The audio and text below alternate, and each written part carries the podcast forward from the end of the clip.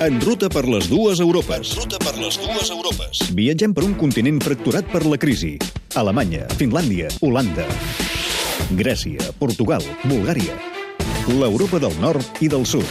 Quan falten pocs dies per les eleccions europees, Cèlia Cernades i Sergi Roca ens expliquen què hi passa.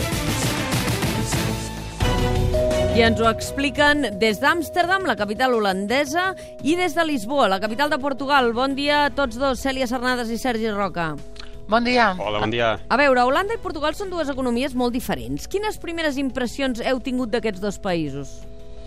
Doncs mira, des d'Holanda o a Amsterdam especialment, que és el que hem visitat, eh, eh, una capital molt maca, tothom ho sap, molt bucòlica, però es nota que rere aquesta imatge alguna cosa està passant. Primer tenim un govern que està sota molta pressió pels euroscèptics que lidera Geert Wilders, que les enquestes diuen que poden pujar a segona força del país, que fa pocs dies aquesta força, el Partit per la Llibertat, va provocar un enorme escàndol a Holanda en un acte on va prometre que hi haurien menys marroquins en aquest país i la gent cantava sí, sí, menys. Això ha provocat molta consternació, per tant, molta pressió sobre aquests possibles resultats sobre el govern del primer ministre Marc Rutte també polèmica sobre temes europeus, perquè la veritat és que aquestes eleccions no sembla que hi hagi eleccions europees a Holanda. A Amsterdam ni un cartell electoral sobre les eleccions europees.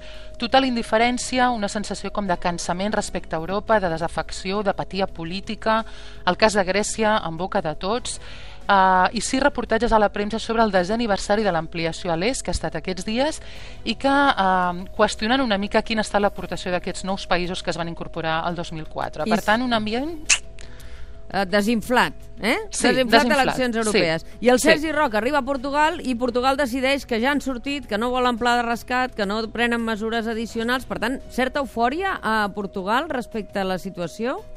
O no? Absolutament Sergi? no, no, no. Ans al contrari. No. A Lisboa es respira un ambient, eh, una barreja de nostàlgia, d'ofec, d'escepticisme en el futur absolut, eh, malgrat el que, el que es digui des del govern. S'ha de tenir en compte que eh, és el 40è aniversari aquest any de la revolució dels clavells, del 25 d'abril, sí. eh, i això es nota cada cantonada del centre. Eh? Moure't pel Rocío o pel Chiado és anar-te topant amb una exposició de fotografies de l'any 74, de, d'aquells dels capitans, els capitanes d'abril, encapçalant el, el derrocament del règim.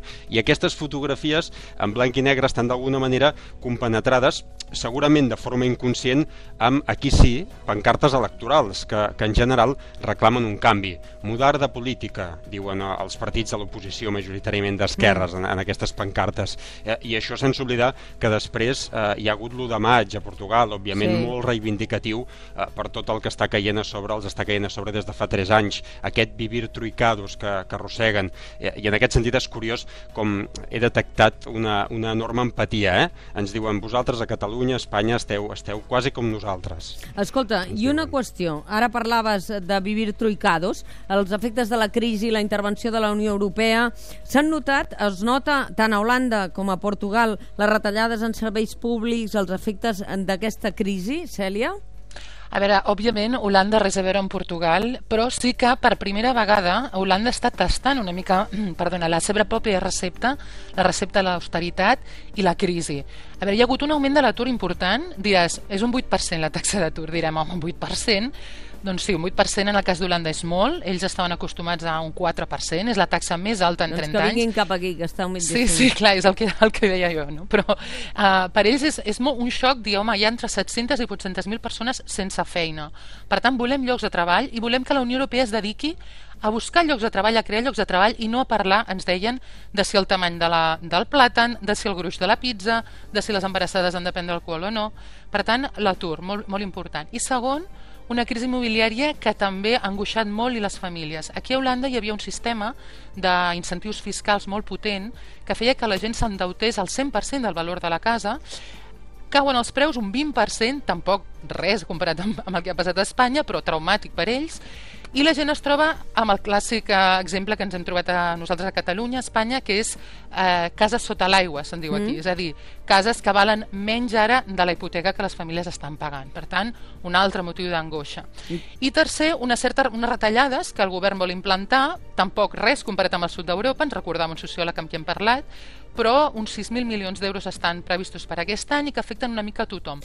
Sobretot subsidis per la gent gran Eh? I subsidis, per exemple, a les residències, ara el que es parla aquí molt és de la societat participativa, és a dir, no espereu que l'Estat us ho faci tot, si fins ara els vostres pares, quan es feien grans, anaven a la residència i nosaltres pagàvem, doncs ara els fills heu de contribuir i potser us heu Mhm. d'endur els pares a casa. És un canvi una mica de mentalitat, aquest canvi de model que se'n parla aquí de transició de l'estat del benestar a l'estat participatiu. I això a Portugal té un mirall similar? A Portugal, eh, aquí directament es parla de drama, eh? de situació dramàtica. Eh, Ahir el primer ministre Passos Coelho anunciava la sortida neta de la troica del país, o sigui que ja no estaran sota la tutela de l'FMI, del Sí. Banc Central Europeu i de Brussel·les, però els deures que deixen per fer i sobretot el llast del que, del que s'ha fet és enorme.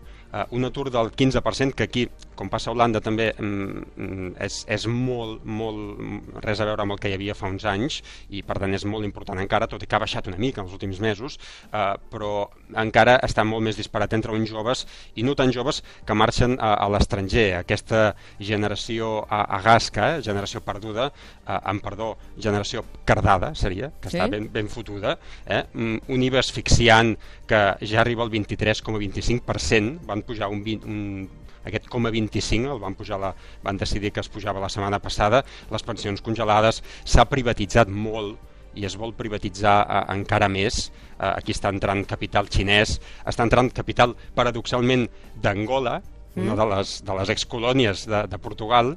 Eh, clar, tu mires Lisboa i dius, bé, ha canviat poc en l'última dècada, no? Aquella degradació de les façanes, aquella Sí. lluminositat, aquell viure i menjar bé, eh? Mm, però en les entranyes el país, eh, vaja, aquí parles amb qualsevol i, i notes que s'ha anat degradant. Cèlia Cernades i Sergi Roca, on sereu demà? On ens trobarem? Demà jo parlaré de Varsòvia, capital de Polònia. Déu-n'hi-do el salt. I tu, Sergi? Eh, jo a Nàpols, Itàlia. Doncs demà a cap a Nàpols i cap a Varsòvia. Moltes gràcies, companys. Bon dia. Adeu a vosaltres. En ruta per les dues Europes. Ruta per les dues Europes. Viatgem per un continent fracturat per la crisi. Alemanya, Finlàndia, Holanda, Grècia, Portugal, Bulgària. L'Europa del nord i del sud. Quan falten pocs dies per les eleccions europees, Cèlia Cernades i Sergi Roca ens expliquen què hi passa.